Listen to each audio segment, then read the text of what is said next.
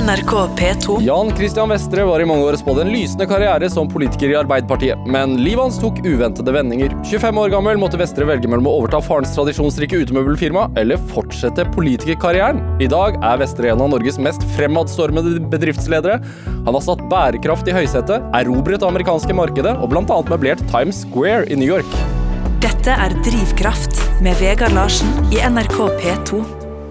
Jan Christian Vestre, velkommen til Drivkraft. Tusen takk, og tusen takk for hyggelig introduksjon. Ja, det stemte. Ja, det var, var litt voldsomt, men eh, det er jo hyggelig. Det får være andre sine ord. Er det sånn eh, når du leser din egen CV at du tenker sånn Oi, voldsomt. Nei, egentlig ikke. Jeg leser den ikke så ofte. Jeg vet ikke, jeg vet ikke om jeg har en heller, men vi trenger ikke det i familiebedriften vår. Nei. Men du har eh, altså erobret det amerikanske markedet. Altså, det er, det er, dere er store i USA. Dere har møblert Times Square. Ja, ja, ja, ja, ja, vi har det.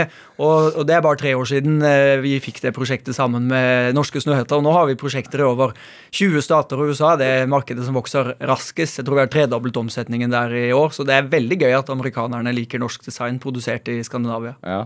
Er det eh, Jeg må spørre deg, eh, når jeg har en møbelsjef eh, i studio, og så sitter du behagelig nå. Hva tenker du om møblementet i studio? Altså, Ja, jeg synes Det er veldig fint her. Det er veldig fargerikt og hyggelig. Det er litt sånn hjemmekoselig, nesten.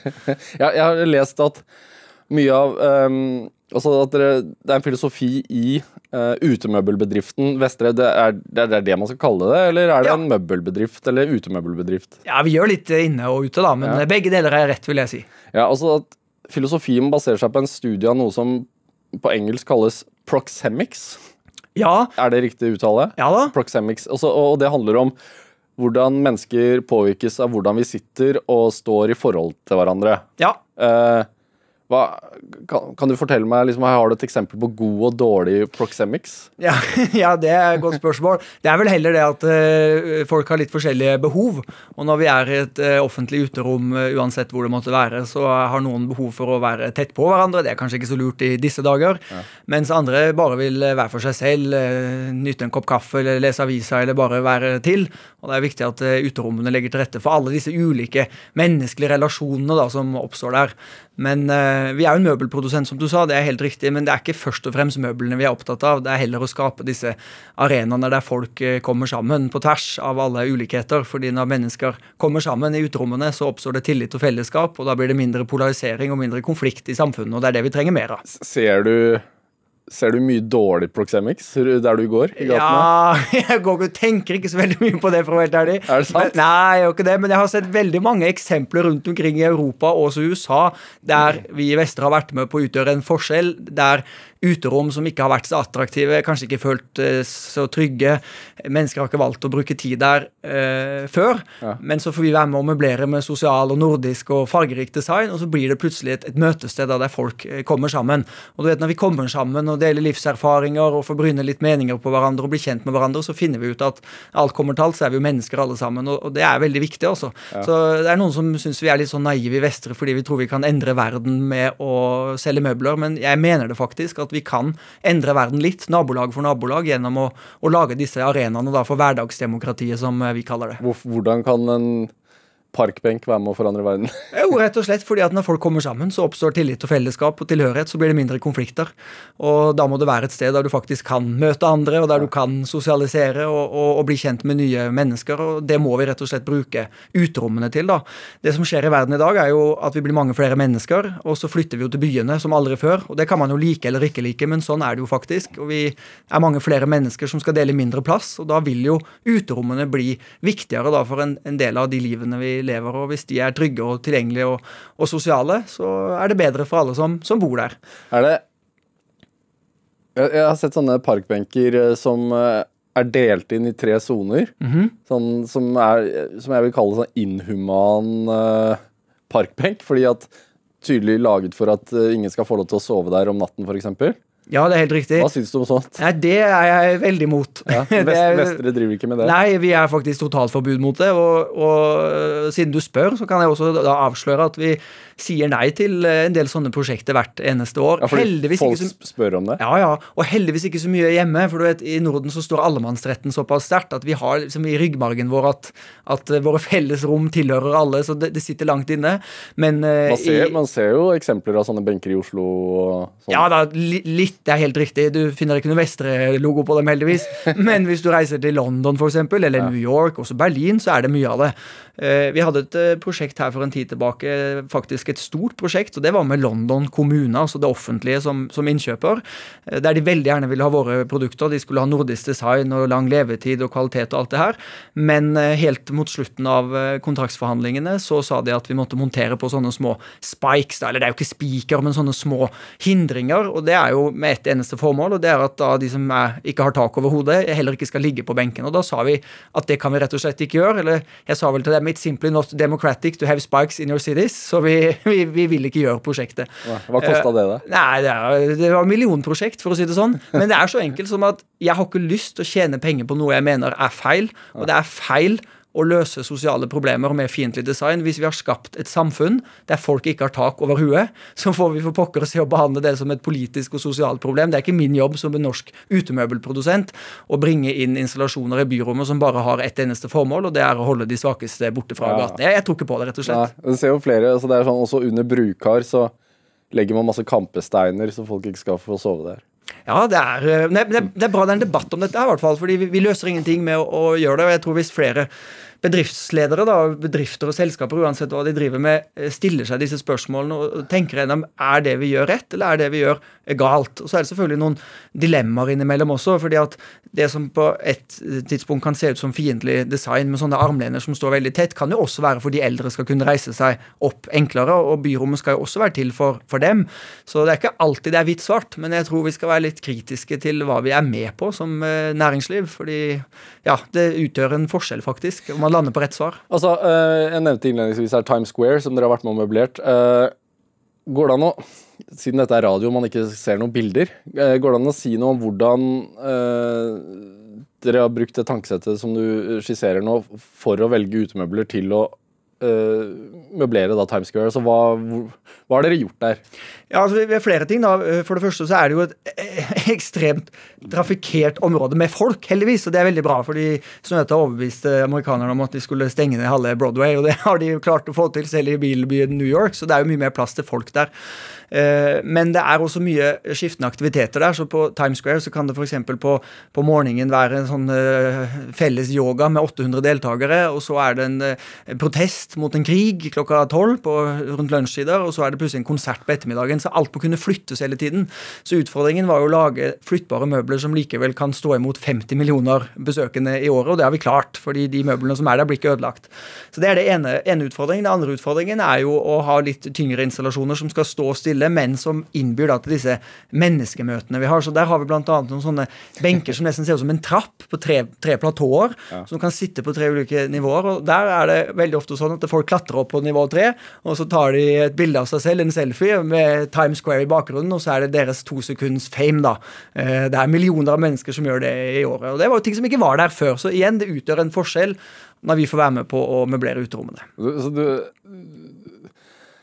du er 33 år gammel, ikke at det har noe å si, altså, men blir du liksom stolt når du ser bilder av Times Square nå med dine møbler på, eller deres møbler på? Ja, det er hele, hele teamet hos oss blir veldig stolt over det, selvfølgelig. Ja. Det er jo svær anerkjennelse for, for, norsk design, og det at det også går an å produsere det i Skandinavia da, med, med kompromissløs kvalitet og, og livsstilsgaranti, og eksportere det til USA og likevel drive lønnsom industri.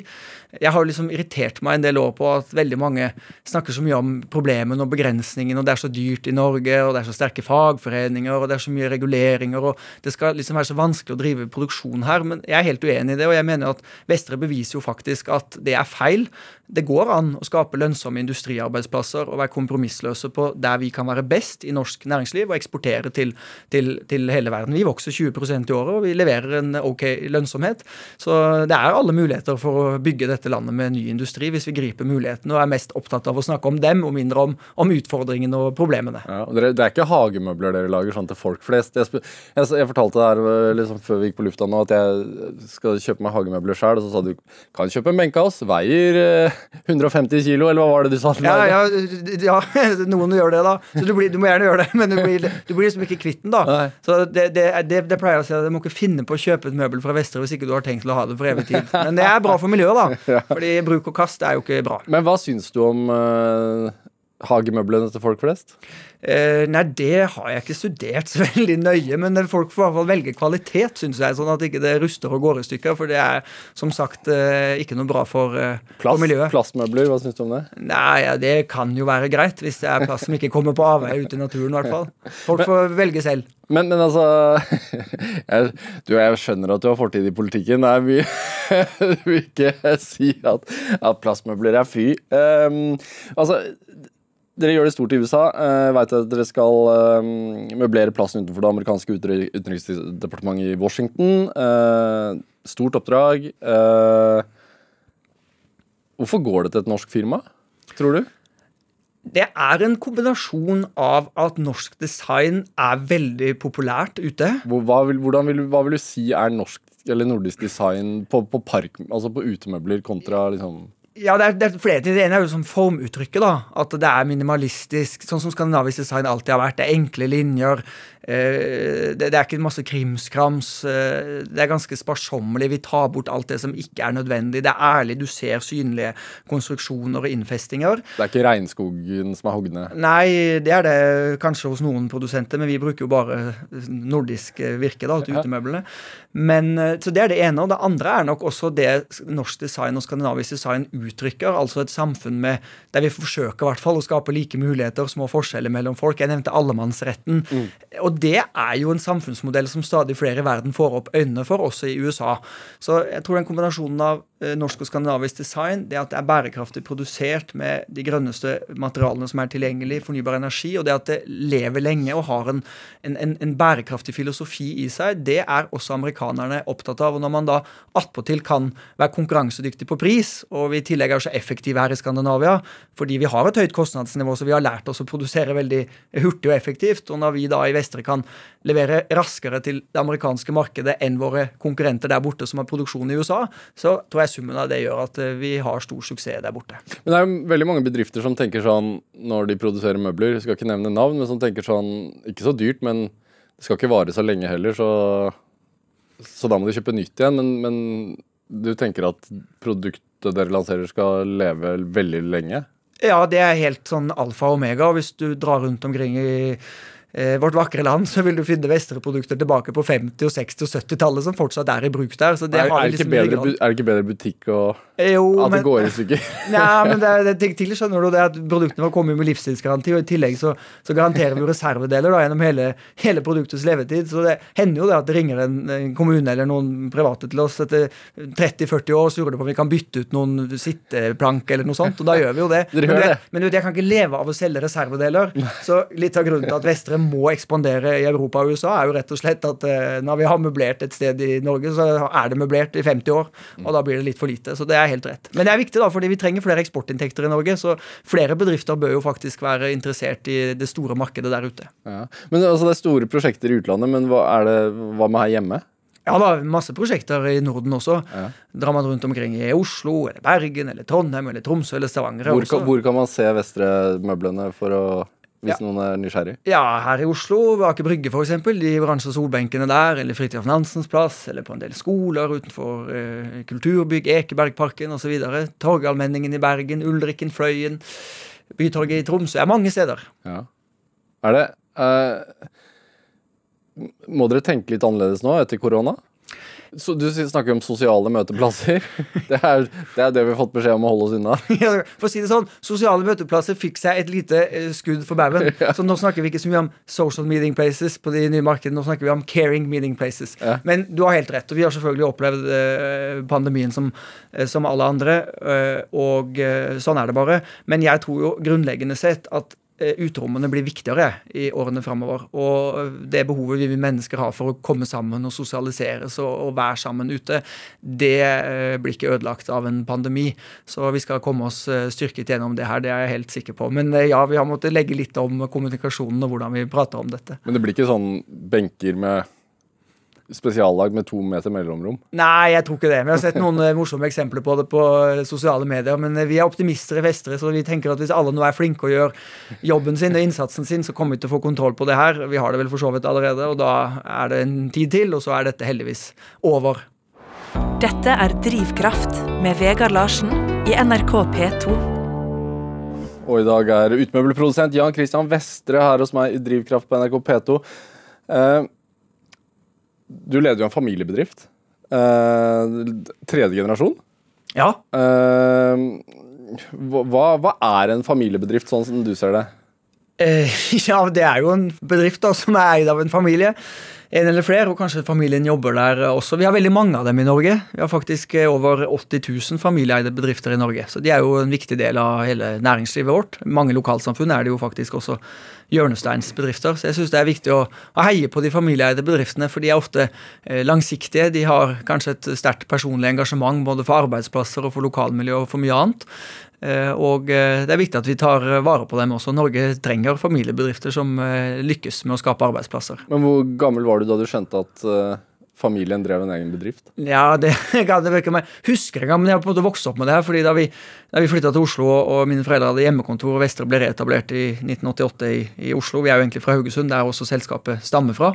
Eh, så var det hjemmekontor de første årene, så, så, det var jo på en måte barnehage og skole og hjem fra det. Og det var fullt kontor i stua, altså. Så det var fra veldig tidlig alder at jeg ble kjent med det. Og det var vel ikke en middag og knapt en ferie og egentlig noe fritid som ikke handlet om prate om jobben. Så sånn sett så fikk ja. jeg det inn tidlig. Og, og, det, og det flere, når det går flere ledd tilbake, er det da ekstra viktig? Altså bærer familien det på sine skuldre? Altså det er viktig man føler liksom et ansvar overfor de som har vært før, og bringe det videre? eller hvordan er det? Ja, jeg følte på det da jeg tok over en alder av 26 år. Nå var jo ikke det planlagt, det var knapt noe vi hadde snakket om, men, eh, men min far fikk kreft og gikk bort ganske raskt. Og da følte jeg dette ansvaret for å, å være med på å ta eh, arven videre.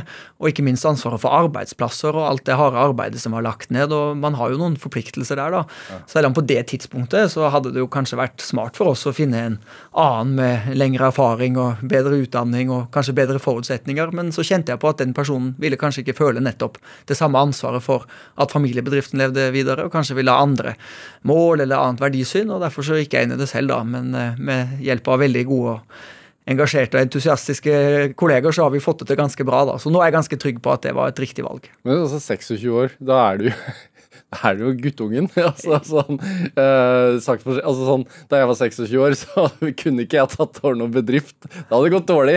Det er ikke sikkert. Skal du se, du, Hvis du, du, du, fikk det ansvaret, så kanskje hadde du gjort det veldig bra. Det tror jeg faktisk. Ja, Men hva hadde du blitt altså, Siden det var altså, er en familiebedrift, så hadde du blitt skolert i det at du skulle en gang ta over, eller ble det bare inn med morsmelka? Ja, det ble egentlig det, for det var ikke noe vi pratet så mye om. Så jeg var halvstudert eh, jurist og holdt på først med elevråd, og så elevorganisasjon, og så AUF og ungdomspolitikk, og jobbet da på Stortinget for Arbeiderpartiet. Så, så, så jeg hadde på en måte en det, var ikke noen plan bak det heller, egentlig. Hadde egentlig aldri hatt noen plan for hva jeg skal gjøre, og så er det litt tilfeldighetene som har tatt meg ulike steder. Men, men det var ikke et tema, da, kan du si det sånn. Men når det først da skjedde, og, og, ble et valg, så hadde jeg jo selvfølgelig fordelen av å ha, ha vokst opp med dette og, og, kjenne det ganske godt. Jeg var jo bare fem-seks år første gang jeg var med på fabrikkbesøk og, og, så produksjonen og lærte dette og sånt. Så det var litt gøy da å komme tilbake 20 år etterpå og se noen av de samme gutta som, eh, som var der. Hva tenkte de da, når du, når, når du, da skulle ta over, du som hadde løpt rundt der? Nei, De var vel litt sånn spent, tror jeg. Jeg var litt sånn rebelsk unge òg, så de var kanskje litt skeptiske, for å være helt ærlig, hvordan dette skulle gå. Men eh, nå tror jeg de er ganske fornøyd med tingenes tilstand, for det har gått ganske greit. da. Men, men, går det an å si noe om hvordan altså Du sier jo dere at det er fra Haugesund, egentlig. Mm -hmm. Hvem var det som startet Vestre? Det var min bestefar, Johs Vestre, han som eh, etablerte et, eh, ja, et mekanisk verksted rett etter krigen. Det var da landet skulle gjenoppbygges. På radioen sa Einar Gerhardsen at økt produksjon vil løse alle våre økonomiske og materielle bekymringer. Og det utløste jo sånn, eh, et skred av dugnadsånd. Og da Min bestefar og hans kompiser var ikke noe unntak, så de fikk tak i en, en gammel tyskerbrakke med jordgulv uten tak, og så begynte de å legge tak, og så fikk de liksom øsa ut vannet fra gulvet der, og så begynte de så vidt da med mekaniske produkter. Og, som for eksempel? Ja, de lagde Det første patenterte produktet var faktisk en sagklemme. Som du kunne feste et sagblad til en hvilken som helst eh, bordplate, og da file sagbladene. De var ganske bløte den gangen, så det var noe man ofte måtte gjøre som snekker, og det bidrar jo til eh, høyere effektivitet hos snekkerne. Altså, det var veldig populært. Og de lagde treningsapparater og lekeplassusutstyr. Jeg tror i hvert fall det er et par generasjoner nordmenn som har vokst opp med et Vestre-lekestativ i sin nærmeste park. Og de lagde også bymøblene, da, som har vært med oss egentlig gjennom nå ja, 73 år. Så han var en oppfinner?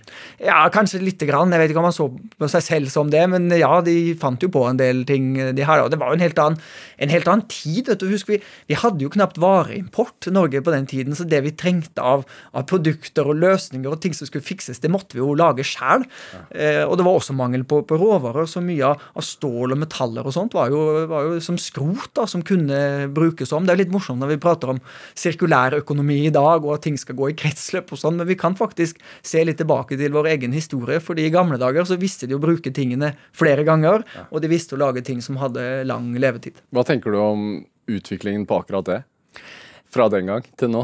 Nei, det har jo ikke vært så veldig bra, da, dessverre. Men nå er det jo en ny bølge, og heldigvis, og takk og lov for det, som er mye mer opptatt av levetid. Hvor kommer materialene fra? Hvilken energi brukes? Kan dette repareres? Inngår det i et kretsløp? Fordi vi må tenke sånn. Grunnen til at vi har en, en klimakrise, er jo grunnleggende sett fordi vi har skapt en ressurskrise. Fordi vi har produsert altfor mye tull, mm. og så går det i stykker, og så kaster vi det, og så produserer vi mer tull. Og det er jo den atferden vi må stoppe. da. Det er bra for lommeboka, det er bra for miljøet. Ja. Er det uh, Dere konk i 88. Ja. Hvorfor det?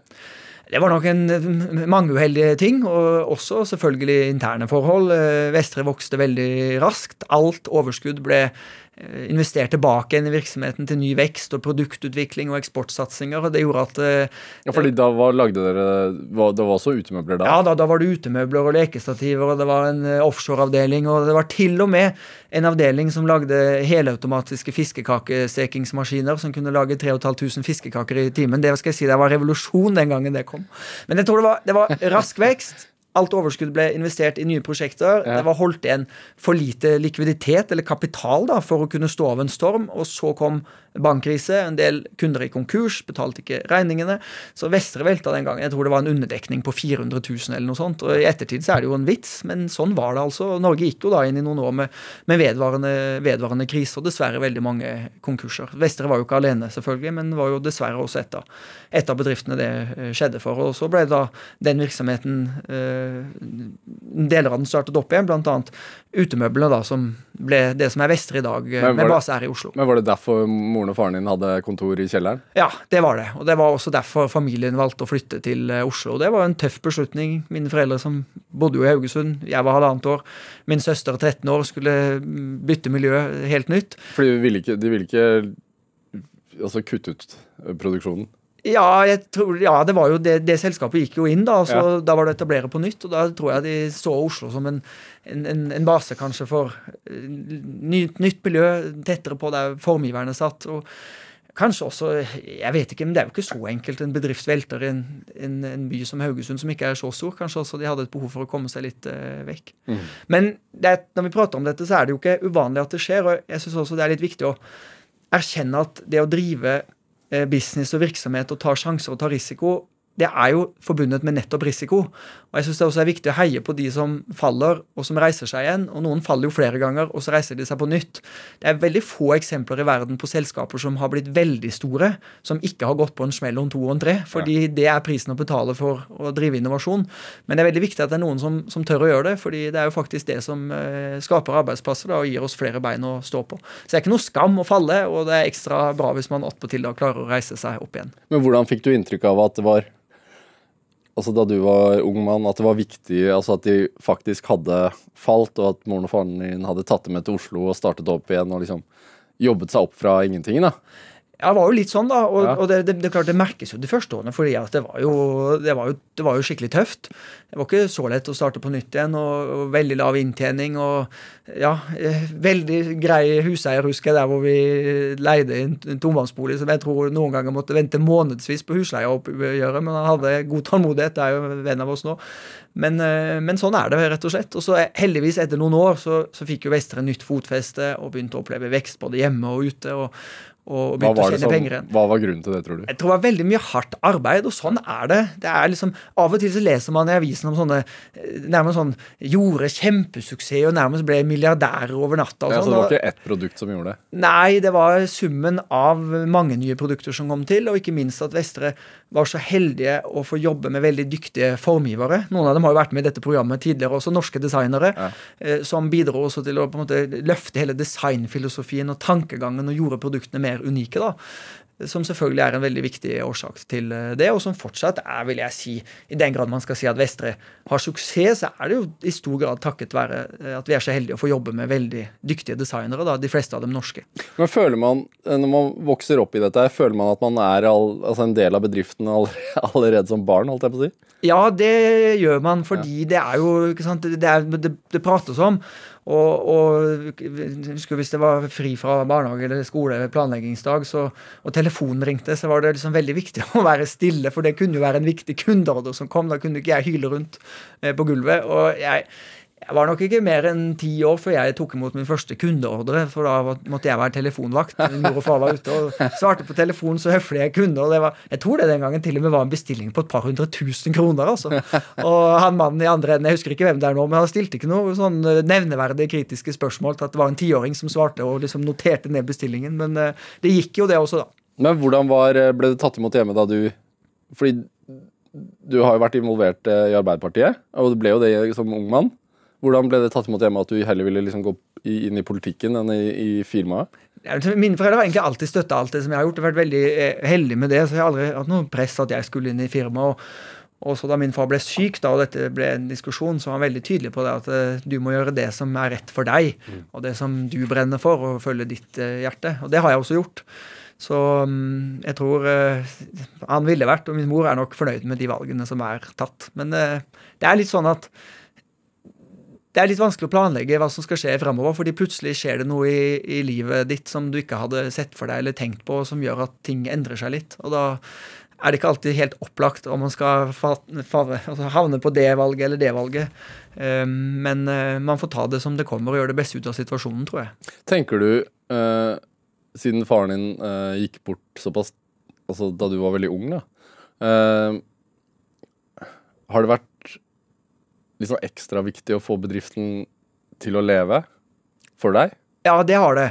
Fordi jeg så hvor hardt både um, pappa Jan og mamma Elisabeth og familie og kolleger hadde jobba hardt i mange år for å, å få dette opp og stå og bli bra. Og sånn da tenker man da når de endelig kan da begynne å slappe litt mer av og nyte litt av det også, og se at ting lever videre, så fikk ikke han være med på det. Og det gjorde meg ikke bare at jeg følte et ansvar for det, men jeg ble ganske sinna òg. Altså, jeg følte det var så dypt urettferdig at liksom endelig Hvor fort gikk det? ja, det var noen måneder, da. Uh, altså, jeg får ikke lov å være med og se på liksom, hva man har bygget opp. Det, det gjorde meg ganske irritert, altså. Det må jeg si. Jeg syns jeg var fryktelig urettferdig. Så da ga det nok en sånn ekstra motivasjon for å stå på. Og jeg husker jeg sa både til meg selv, og vi ble enige om det også blant kolleger, at eh, vet du, dette skal vi få til bra, vi skal få det til bedre enn noen har forestilt seg. Og det har vært en drivkraft siden, altså. Ja.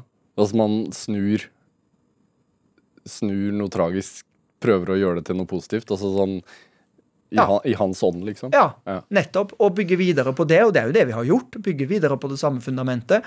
Men så er det jo klart det kommer inn en 25-åring, eh, og en 25-åring har jo fått en litt sånn utålmodig drive, da. Hva så du, hva gjorde du, hva var det du Hva, hva var det 25-åringen brakte til bords? Ja, det, det, det, det var nok i hvert fall en sånn utålmodighet over at det vi gjør, syns jeg er så bra at det fortjener et større publikum. Så jeg hadde jo en klar formening ganske tidlig om at det her må vi jo ta ut i verden, og det må vokse og bli stort. Ikke fordi at det i seg selv er så viktig, men, men dette engasjementet om å, å gjøre verden litt bedre, nabolag for nabolag, gjennom å skape møtestedene som bygger tillit og fellesskap. Eh, Da nytter det ikke bare å være norsk produsent. Da må vi ut i Europa, da må vi inn i USA. Da må vi for å si det litt enkelt, inn i de områdene der utfordringene er størst. og Derfor så må vi vokse. Så jeg hadde en veldig klar formening om det, og jeg visste også at for meg ville det være helt utenkelig å flagge en eneste industriarbeidsplass ut av Skandinavia til disse såkalte lavkostlandene. Hvorfor ville du ikke det? Nei, fordi at jeg ville bevise at det er fullt mulig å lykkes med industriproduksjon hjemme hvis vi satser på design, innovasjon, kvalitet, bærekraft. Ja, vi kan ikke være billigst, fordi vi har et høyt kostnadsnivå, men det er så mange andre konkurranser vi kan vinne, og det vil jeg vise at var mulig da med Vestre som eksempel. Så både det at vi skulle vokse, det at vi skulle eksportere, men også det at vi skulle stille om produksjonen slik at vi var forberedt på sterkere konkurranse fra disse lavkostlandene, det var en, en viktig drive. Og så får jeg jo innrømme, det er sikkert ikke så populært å si det, men, men jeg er ikke fryktelig opptatt av møbler selv. Og jeg er jo, jurist, jeg er ikke designer heller, så, så, så produktene er ikke så viktig for meg. Det er viktigere hva de produktene gjør. Så hadde jeg eh, på den tiden som 25-åring sett at vi kan ikke bruke vestere som dette redskapet for å gjøre verden litt bedre, så er det ikke sikkert jeg kunne påtatt meg jobben. Men ettersom jeg så at produktene, filosofien, måten vi driver virksomheten på, kan vi faktisk bidra til at vi endrer verden litt. Det var motivasjonen egentlig for å, for å gå inn og gjøre det. Og jeg føler vi gjør det litt også. Så ideologisk drevet? Ja, eller verdi, eller ideologisk, eller liksom politikk kanskje også. Jeg vet ikke helt. Det er jo summen av dette, da. Men, men, men ja.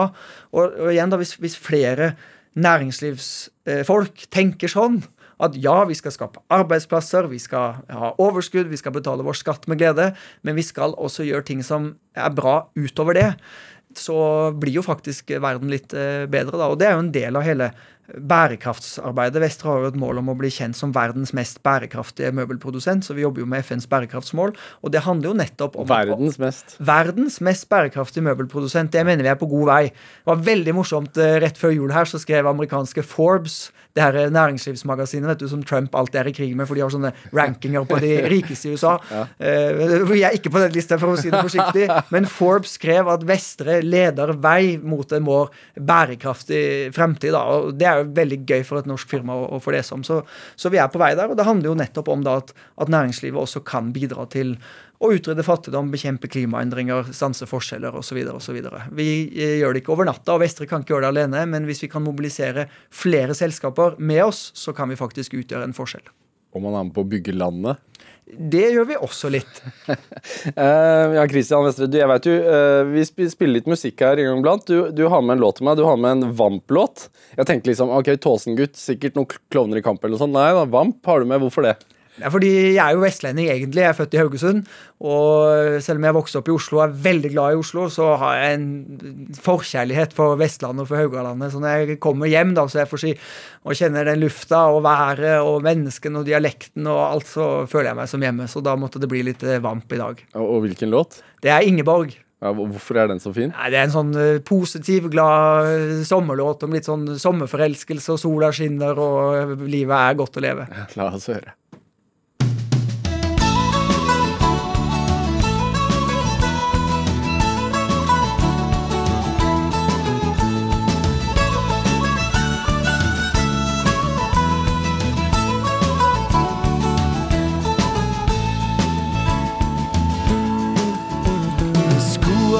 Sommer nå. Du og jeg skulle vært små. Du skulle kommet forbi som før, som før. Og ikke skulle du strømper, men nakne leggen brun og glatt. Du skulle hete Ingeborg, Ingeborg.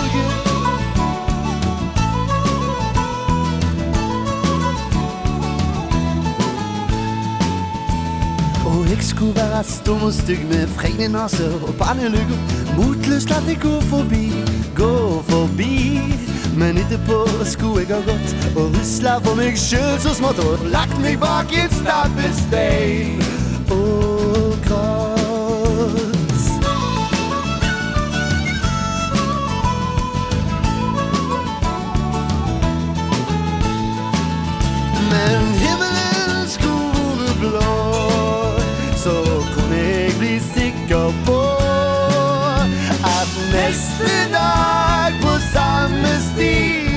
kom du forbi.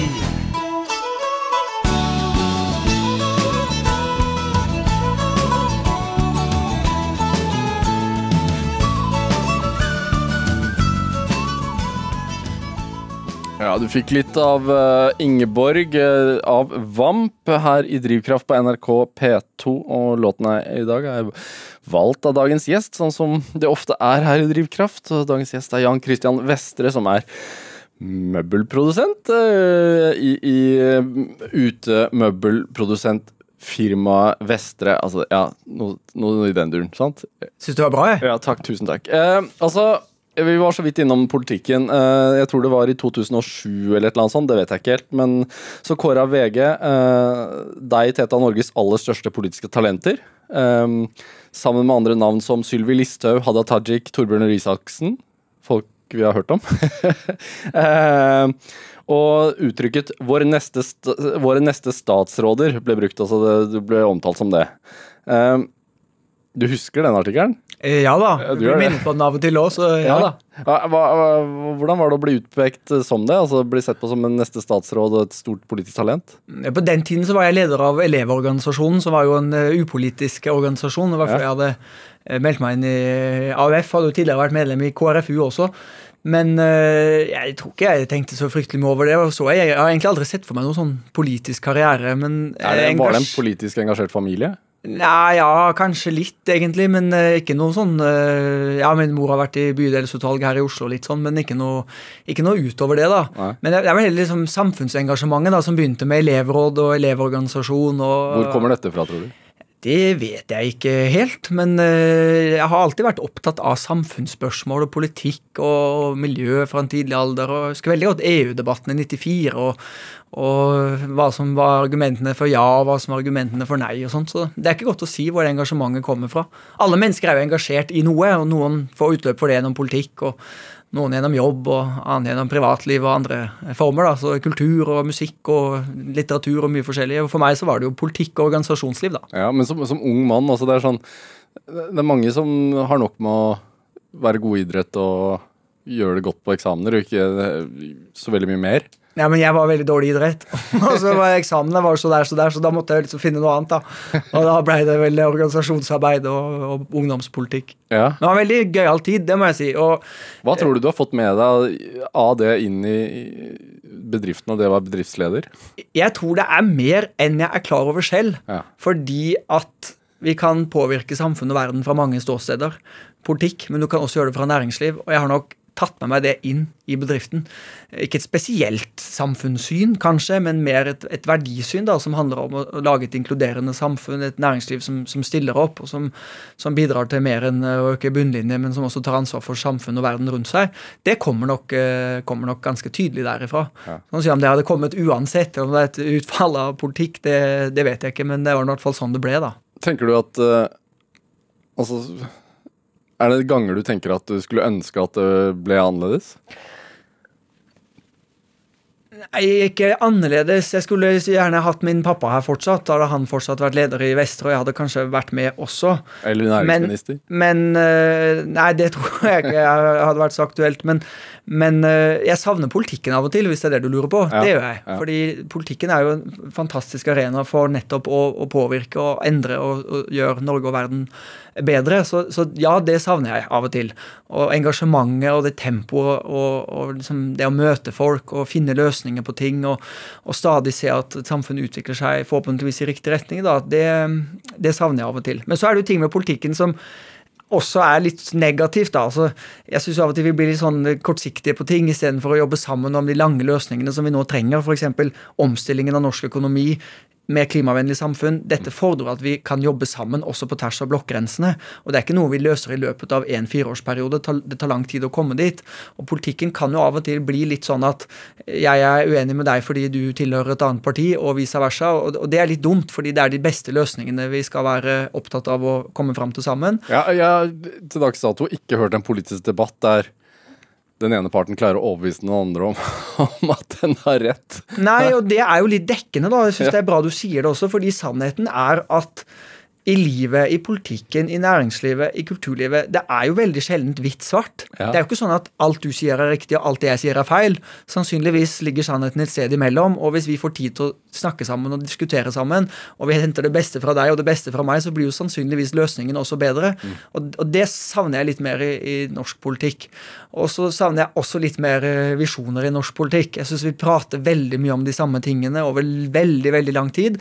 Og så går det selvfølgelig framover i samfunnet, og vi får til en del ting, men en del av de store, tunge, uløste oppgavene og de eh, store prosjektene vi vet Norge må gjøre, der blir det veldig mye prat og dessverre litt for lite handling. Tenker du at du kan påvirke mer egentlig i den rollen du har nå, enn du kunne gjort i politikken? Jeg har stilt meg det spørsmålet noen ganger, og jeg vet ikke hva som er uh, svaret på det, men jeg tror man kan påvirke fra flere ulike uh, ståsteder, i hvert fall. Og, og, og, jeg vil gjerne bidra til det, uansett hvilken regjering vi har, eller uansett hvilket politisk flertall uh, som er. Så tror jeg alle som har ideer og innspill til hvordan samfunnet kan bli enda bedre, og ikke minst da det som jeg er spesielt opptatt av, hvordan kan vi skape flere arbeidsplasser på fastlandet, hvordan kan vi øke eksporten fra fastlandet fastlandsindustrien. Mm.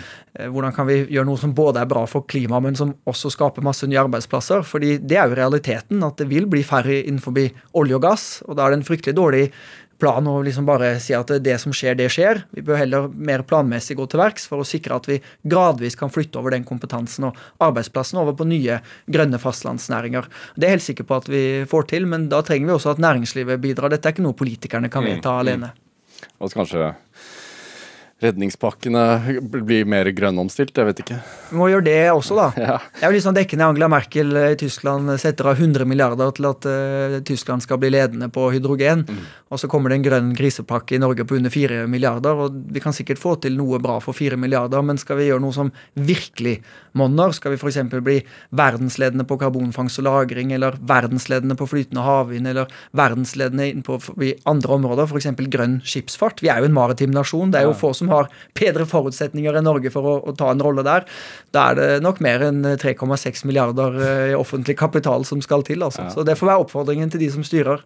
Du, altså Det har jo skjedd eh, andre eh, hendelser i livet ditt som har formet deg, antar jeg. Altså, du, eh, du var medlem i, i, AUF, og jeg tenker at du var ganske ofte på Utøya? Ja. Eh, hva husker du best fra Utøya-oppholdene dine? Ja, det var altså, Før 2011? Ja, for det er jo det er stor forskjell. Da. Men, ja. men uh, det er jo det der, den fantastiske kraften som er i at hundrevis av engasjerte eh, ungdom bruker deler av sommerferien sin på å diskutere politikk og bryne meninger på hverandre, og alle har det til felles at de er der fordi de har et engasjement og en lidenskap for å gjøre verden litt bedre. Mm. Det, det, er en sånn en kraft og en, en sånn engasjement og en lidenskap som er veldig vanskelig å beskrive hvis man ikke har vært med på det. Og da må jeg si at Det gjelder jo ikke bare AUF sin sommerleir, dette gjelder jo alle, alle, ungdomspartier og alle som engasjerer seg i noe, om det er Natur og Ungdom eller det er eh, Ungdom mot EU eller Ungdom for EU, for det saks skyld, selv om det ikke heter det. Men det er det der med unge mennesker som brenner for noe, og som står opp for noe, som engasjerer seg i noe, som er eh, ja, det er helt fantastisk, egentlig. Du, du var der i 2011 også, under terrorangrepet? Ja. Det er jo snart ti år siden. Hvor lang tid tok det før du ble komfortabel med å snakke om det, eller er du komfortabel med å snakke om det? Om selve hendelsen? Ja, ikke, så det er et tema jeg ikke prater om hvis ikke sånn som du spør, da, men ja. da, da, svarer jeg gjerne på det. Og jeg vet ikke om jeg noen gang blir komfortabel med det. Jeg tror alle i Norge som opplevde 22.07, uansett om de var der, eller om de kjente noen eller ikke kjente noen, kommer til å ha med seg den dagen hele livet. Ja. Og jeg tror ingen av oss egentlig helt vet hvordan det har påvirket oss, og hvordan det kommer til å påvirke oss. Hvordan tror du det har påvirket deg? I starten, altså de første årene etterpå, så var det jo konkret at eh, jeg var mer urolig for ting. Jeg får jo være så ærlig å si det, da. Hvis det var høye lyder eller en sånn uoversiktlig situasjon, eller la oss si et offentlig sted med mange mennesker, og plutselig skjer det et eller annet i gruppedynamikken, eller det kommer inn noen, eller noe skjer og sånn, så var jeg jo litt var på det. Så etter hvor er nødutganger, hvor kan man eh, dra fra denne kafeen hvis noe skjer, eller noe sånt. Det er heldigvis over, da. Hvor måtte du jobbe med det for å få det til å gå over? Jeg var veldig opptatt av å komme raskt tilbake igjen i jobb og, og, arbeid og engasjement for å på en måte glemme det på den måten, og det var nok riktig for meg. Men for andre ville jo det vært helt feil, og andre har, har tenkt å gjøre det på andre måter også. Det finnes selvfølgelig ikke noe fasitsvar på det også. Men jeg tror det som det var de kortsiktige effektene av det, men det som langsiktig har preget meg mer, og som jeg tror alltid kommer til å være med, er jo at jeg har blitt helt overbevist om at dette Eh, må selvfølgelig ikke få skje opp igjen, og den beste måten å la det ikke få skje opp igjen, er at vi jobber hardt for det hver eneste dag. Altså Demokratiet det høres litt sånn pompøst ut, men demokratiet er ikke noe vi kan ta for gitt. Du og jeg og alle som hører på dette programmet, alle andre må faktisk stå opp for å forsvare demokratiet hver dag. Det fins krefter der ute, ekstremister, som er villige til å, å, ikke bare bruke hatytringer, men også hatvold, og gå veldig langt, som vi har sett. Vi har også sett det dessverre i, i nyere tid. Alle kjenner jo saken i, i Bærum. Mm. Og, og den beste måten å stå opp mot dette for, er jo at folk står opp for demokratiet, men også at vi utstyrer nye generasjoner med de verktøyene de trenger for å kunne kjempe mer aktivt imot. Altså jeg mener Menneskerettigheter, eh, demokratiopplæring, eh, det å, å, få argumentene som gjør at vi kan stå imot rasisme, hatytringer, de kreftene som vil ha et helt annet samfunn der man gjør forskjell på mennesker, der vi behandler mennesker forskjellig avhengig av religion og etnisitet. Dette er jo saker vi kan gjøre noe med hvis vi vil. Og det syns jeg er veldig fint med Utøya også. Jeg var jo så heldig sammen med mange andre å få bidra til gjenreisningen av Utøya. Jeg var styreleder for det prosjektet noen år. Mm. og dette var jo et angrep på hele nasjonen, som vi vet. Men når man hører gjerningsmannen i rettssaken, så er det jo først og fremst et politisk attentat mot én bestemt bevegelse, ett bestemt parti, en bestemt ungdomsorganisasjon. Mm. Som da han mener står bak det at Norge har blitt et flerkulturelt og mangfoldig eh, samfunn. Og hans plan var jo helt opplagt at det skulle strupe rekrutteringen til ett bestemt politisk parti, og Utøya skulle ødelegges som en politisk kraft. Det var jo det motsatte som har skjedd. Nå er øya tatt tilbake igjen. Eh, AUF har større sommerleirer enn noen gang før. Det er ikke bare AUF som er der, det er nå blitt et senter for tverrpolitiske arrangementer der også de andre ungdomsorganisasjonene deltar. Vi har bygget et læringssenter der, Heinhuset, som tar imot tusenvis av skoleelever hvert eneste år, som nettopp lærer om demokrati, menneskerettigheter, hvordan de kan stå opp og forsvare det samfunnet vi har bygget opp. Så jeg tenker av og til på det, faktisk, at der kan han sitte i cella si resten av livet og, og se på at det som skjedde, var det stikk motsatte av det det han ønsket seg. Utøya har blitt et nå kraftsenter for å bekjempe alt det han står for. Men det er forferdelig trist fortsatt, og kommer alltid til å være det, at det kom med en så grusomt høy pris. Mm. Ja, for jeg tenker jo, Du sitter jo her som bedriftsleder i dag og gjør en forskjell i samfunnet. og Samtidig som ble øh, revet bort der av den terroristen, øh, hadde jo også gjort det? Ja, det er helt forferdelig å tenke på. Ja. 77 mennesker den dagen, 69 på Utøya. Og dem og familier og venner og alle rundt som bærer med seg dette resten av livet. Det er, det er helt grusomt at det kunne skje. Hm. Er det Ja, du blir jo aldri kvitt det, antageligvis. Jeg, jeg, jeg, tenker, altså, er det Har det vært godt for deg da at du Altså, nå fikk du jo også firma eh, i fanget ved en tragisk hendelse. Eh, ved at faren din gikk bort året etterpå. Eh, men har det vært godt for deg å, å kunne ha noe å rette fokuset så sterkt mot? Ja, ja, det har det. Og det tror jeg gjelder for alle mennesker. At hvis man har motgang eller opplever sorg eller tragedier rundt seg, å kunne fokusere på noe som er positivt. Fordi det er jo stort sett noe positivt, uansett hva som skjer. I hvert fall i de fleste tilfellene. Og for meg har det vært eh, helt, oppklar, opp, altså helt opplagt viktig. Både å få bidra til gjenreising av Utøya, og ikke minst også ta familiebedriften videre. Dette skjedde jo med et lite års mellomrom, så det var mye på en gang, for å si det sånn. Men uh, der har det absolutt vært et, uh, et engasjement. Tenker du altså at var, var, det bare tilfeldigheter at du overlevde? Ja, det tror jeg alle som var der eh, nok har følt på. Fordi at det var en veldig uoversiktlig, kaotisk situasjon. Ja. Eh, er det én gjerningsperson? Er det flere gjerningspersoner? Og alle vi som var der, vet jo hva som skjedde. Eh, og om du hoppet ut av det vinduet i kafébygget, eller om du løp ut den døra i et annet bygg, eller om du tok kjærlighetssiden kjærlighetsstien til høyre eller til venstre, kunne få fatale konsekvenser. Og det fikk fatale konsekvenser. Og det er en sånn tilfeldighet og urettferdighet og urimelighet i dette som er helt umenneskelig, egentlig. Og som mange har kjent på, meg selv inkludert i lang tid etterpå, selvfølgelig. Fordi at det bare det føles så urettferdig, da, at eh, hvorfor ja, hvorfor gikk det galt med dem, og så gikk det bra med oss, på en måte, når det ikke var, ja, det er helt tilfeldig, egentlig, hva som, eh, hva som, skjer. Har det også gitt deg en ekstra liksom, drivkraft til å gjøre en forskjell? Ja, jeg tror det generelt, altså både Utøya og de andre tingene, har, har gjort det. Eh, absolutt. Ja. Eh, altså, Vestre er jo en fortsatt familiebedrift. Moren din jobber der dere jobber sammen, side om side, eller hvordan fungerer dette her? Ja, da har jeg til og med klart å finne kontorplasser helt ved siden av hverandre, bare for sikkerhets skyld. Er det sant? Og min søster er også øh, ganske aktiv i virksomheten. Ja. Er, men nå, er, nå, har det blitt så mange andre ansatte, så nå er det ikke bare familie, og det er jo fint, det òg, da. ja. Men hvordan er, å, hvordan er, det å, jobbe så tett med mor? Altså, mamma Nå, jo kanskje det hun hører på, så du må være Det skal jeg love deg at hun gjør. Men altså, mamma syns jo det er litt trist da, at, at hun alltid er Elisabeth, også i sosialt lag. Men jeg har bare måttet lære meg at jeg kan ikke gå og si mamma eller mor eller sånt. Fordi hvis jeg sier mamma på jobben, så blir jeg jo mobba. Jeg blir mobba nok for andre ting på jobben, så det, det, sånn, det tenker jeg, det skal de ikke få på meg. Hva blir du mobba for? Nei, det er veldig greie med meg, men det hender jeg, jeg synes av og til jeg kanskje blir litt sånn engasjert i litt sånn sære ting. Og så er jeg litt Som nostalgisk. for eksempel Ja, jeg er litt sånn nostalgisk av meg. Jeg er veldig fascinert av sånne Sånn som Sam Eide og sånn, Hydro-grunnleggeren. Ja. Eh, Jeg kan gjerne ha med meg Sam Eide sin selvbiografi fra 1930-tallet på sommerferie og sånt. Så eh, Mine kolleger har også sagt at hvis jeg ikke slutter å, å sitere fra den boka når vi er på fest, så kommer jeg til å få bli singel resten av livet. Men nå har det ikke vært så mye fest de siste månedene, så jeg har ikke fått sitert fra den boka heller. Men vi får se hvordan det går. Hva siterer du da, da? Nei, altså Det er jo flere ting, da, men uh, der det er vilje, er der vei, f.eks. Det syns jeg er helt fantastisk sitat fra Sam Eide. Som altså klarte å finne penger til å bygge kraftanlegget på Vemork i 1911, tror jeg det var. Som altså var verdens største vannkraftanlegg den gangen. Kosta ett og et halvt statsbudsjett. Men eh, gamle onkel Sam han eh, klarte å oppdrive pengene, og nå er jo Hydro et industrielt lokomotiv som vi i Norge skal være veldig stolt over. Så jeg blir litt fascinert av disse forfedrene våre, og, og kvinnene også, som bygget landet. Er det eh, Tenker du at vi ikke er stolte nok av industrihistorien vår? Ja.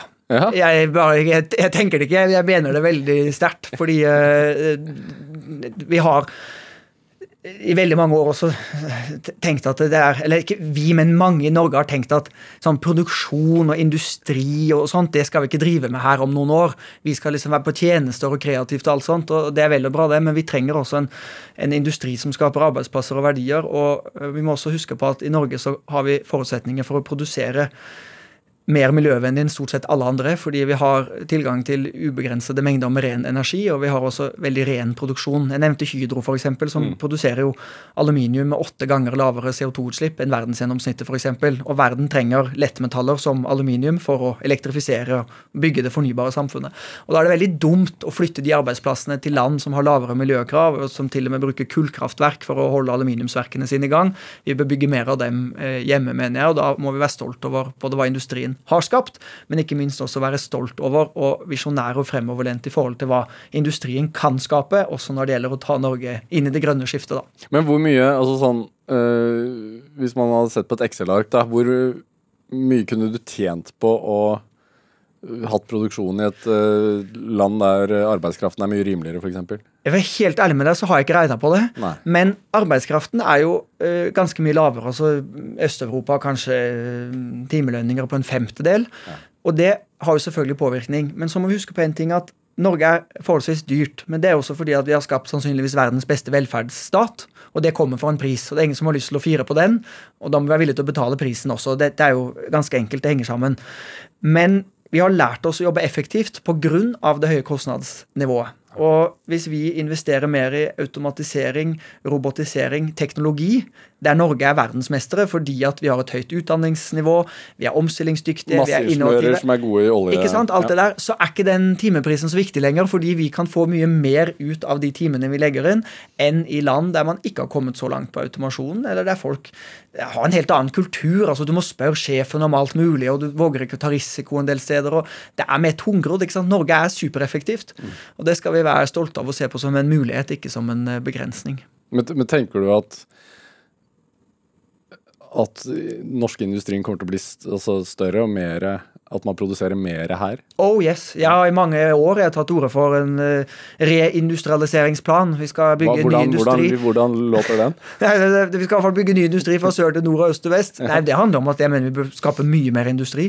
Og vi bør definere fastlandsindustrien som et satsingsområde for, eh, for Norge. Og, og de nye arbeidsplassene kan komme der. Og det er nettopp som vi snakket om, fordi vi kan produsere grønnere, vi kan produsere raskere, vi kan produsere mer effektivt. Vi har en samfunnsmodell som gjør oss veldig fremoverlent, og som gjør at eh, Men samtidig kan, så tenker vi tilbake i tid, da. Vi tenker jo olje, vi tenker gass. Ja, vi gjør jo det, og vi skal jo ha med oss det noen år til, da, vil jo de fleste si. Fordi, fordi det er viktig for Norge, men også fordi at verden kjøper jo olje og gass. Hvor er til. den store norske havvindparken, f.eks.? Ja, det er jo en ting som jeg er helt enig med deg i. Vi har prata og prata og prata veldig lenge. Jeg husker godt det da den første flytende havvindmølla kom utenfor eh, Karmøy i 2009. Nå skal Equinor bygge 11 nye til neste år, men det er altså da 13 havvindmøller på snart 15 år. Og du vet det blir ikke noe storskala havvindindustri i Norge hvis vi bruker 15 år på å bygge 13 møller. Vi skulle sagt i Norge at nå bruker vi tre år, og så bygger vi ut en park med 500 møller langs norskekysten. Og så bygger vi kabel til Europa fra Nordsjøen. Så kan vi selge kraft til store deler av Europa, skape masse eksportinntekter. Vi får ned prisene på møllene, vi får opp effektiviteten, og så skaper vi en industri som vi kan leve av i, i, i hundrevis av år. Norge er en energinasjon. Jeg syns det er så rart. I dag har vi bygget rør fra Nordsjøen til Europa der vi eksporterer energi i form av hydrokarboner. Men det å tenke seg at vi kan gradvis flytte over dette til flytende havvind, som du nevnte, og eksportere energi gjennom elektroner, altså i i strømkabler til Europa, det er veldig vanskelig i Norge. Og sannheten er, vi har de beste ingeniørene, vi har leverandørindustrien. Det er ingen som har kommet lengre på denne teknologiutviklingen i, enn i Norge. Men vi må få eh, fart på det, og da må det offentlige bidra med mer risikokapital for å få det til. Og jeg syns det er paradoks at vi bruker 10-15 milliarder i året på å subsidiere elbiler. Jeg har selv elbil, veldig for det. Det har tatt oss på elbiltoppen, men de elbilsubsidiene skaper jo ikke så mange arbeidsplasser i Norge. Det går jo først og fremst til amerikansk, europeisk og japansk industri. Hva slags elbil har du? Jeg kjører Tesla. Vi burde jo da kunne brukt like mye penger hvert år på å få i gang våre egne fornybare næringer som skaper arbeidsplasser i Norge. Så det bør, være, det, bør, det bør liksom være prosjektet, da. Og jeg tror at et parti som har et, et helhetlig program for dette, som er visjonært, som er optimistisk, som handler om å bruke norske fortrinn, som, som får med seg folk på en plan som skal bygge det Norge vi alle skal være stolt av om 10 og 15 og 20 år, det partiet tror jeg har mulighet for eh, veldig stor oppslutning. Håper du at det liksom om 50 år kommer en sånn biografi som det er skrevet om Sam Eide, om, om Jan Christian Vestre? Nei, det gjør det ikke. Men det, nei, jeg tror ikke det. eller, det eller det gjør det ikke, og jeg tror ikke jeg gleder meg til det heller. Men, eh, men jeg har veldig lyst til å være en av mange som bidrar til å, til å bygge industri og til å bygge landet, og som bidrar til å skape arbeidsplasser. Det trenger vi, og det, liksom det, det syns jeg er gøy å få være med på. Er det det som er drivkraften din? Ja, det er drivkraften sammen med også å være med på at vi oppnår bærekraftsmålene og et par andre ting også. Men ja. Og hvis det er, det er møblene vi bruker for å oppnå det, så er det, er det superfint. Ja. Hvor godt er du på vei, tenker du? Jeg vil si vi er på vei, men vi er jo ikke fryktelig store, da. Men vi vokser der ute, så jeg tror vi skal, eh, skal få til det. Så må vi huske på at det er jo ikke det at alle skal gjøre ja, Ingen skal gjøre alt alene, men alle må gjøre litt. I Vestre så gir vi bort 10% av overskuddet hvert år til eh, bærekraftprosjekter rundt omkring i verden, altså en, en tiende. Og du vet, Hvis alle norske bedrifter hadde gjort som oss og gitt bort 10% av overskuddet vårt, så hadde næringslivet i Norge matcha hele det norske bistandsbudsjettet, ikke bare én gang, men to ganger. Og da kunne Norge stilt opp med tilsvarende tre bistandsbudsjetter for å utrydde fattigdom og tilgang til utdanning og rent vann og helse og alt som vi trenger i verden. Så det er ikke alltid størrelsen det kommer an på, men det er de som står for noe, og står opp for noe, og som brenner for noe, og som er villige til å gjøre det, og så må vi få med oss flere. Klar oppfordring der også. Tusen takk for at du kom til Drivkraft, eh, Jan Christian Vestre. Veldig hyggelig å ha deg her. Tusen takk, og riktig god sommer. Produsent i dag var Eirik eh, Høsøyen Havelin. Kjartan Aarsand bidro også sterkt til denne sendingen. Send gjerne en e-post til drivkraft, krøllalfa, nrk.no. Vi er tilbake i morgen. Da kommer Camilla Stoltenberg hit til Drivkraft. Vi høres.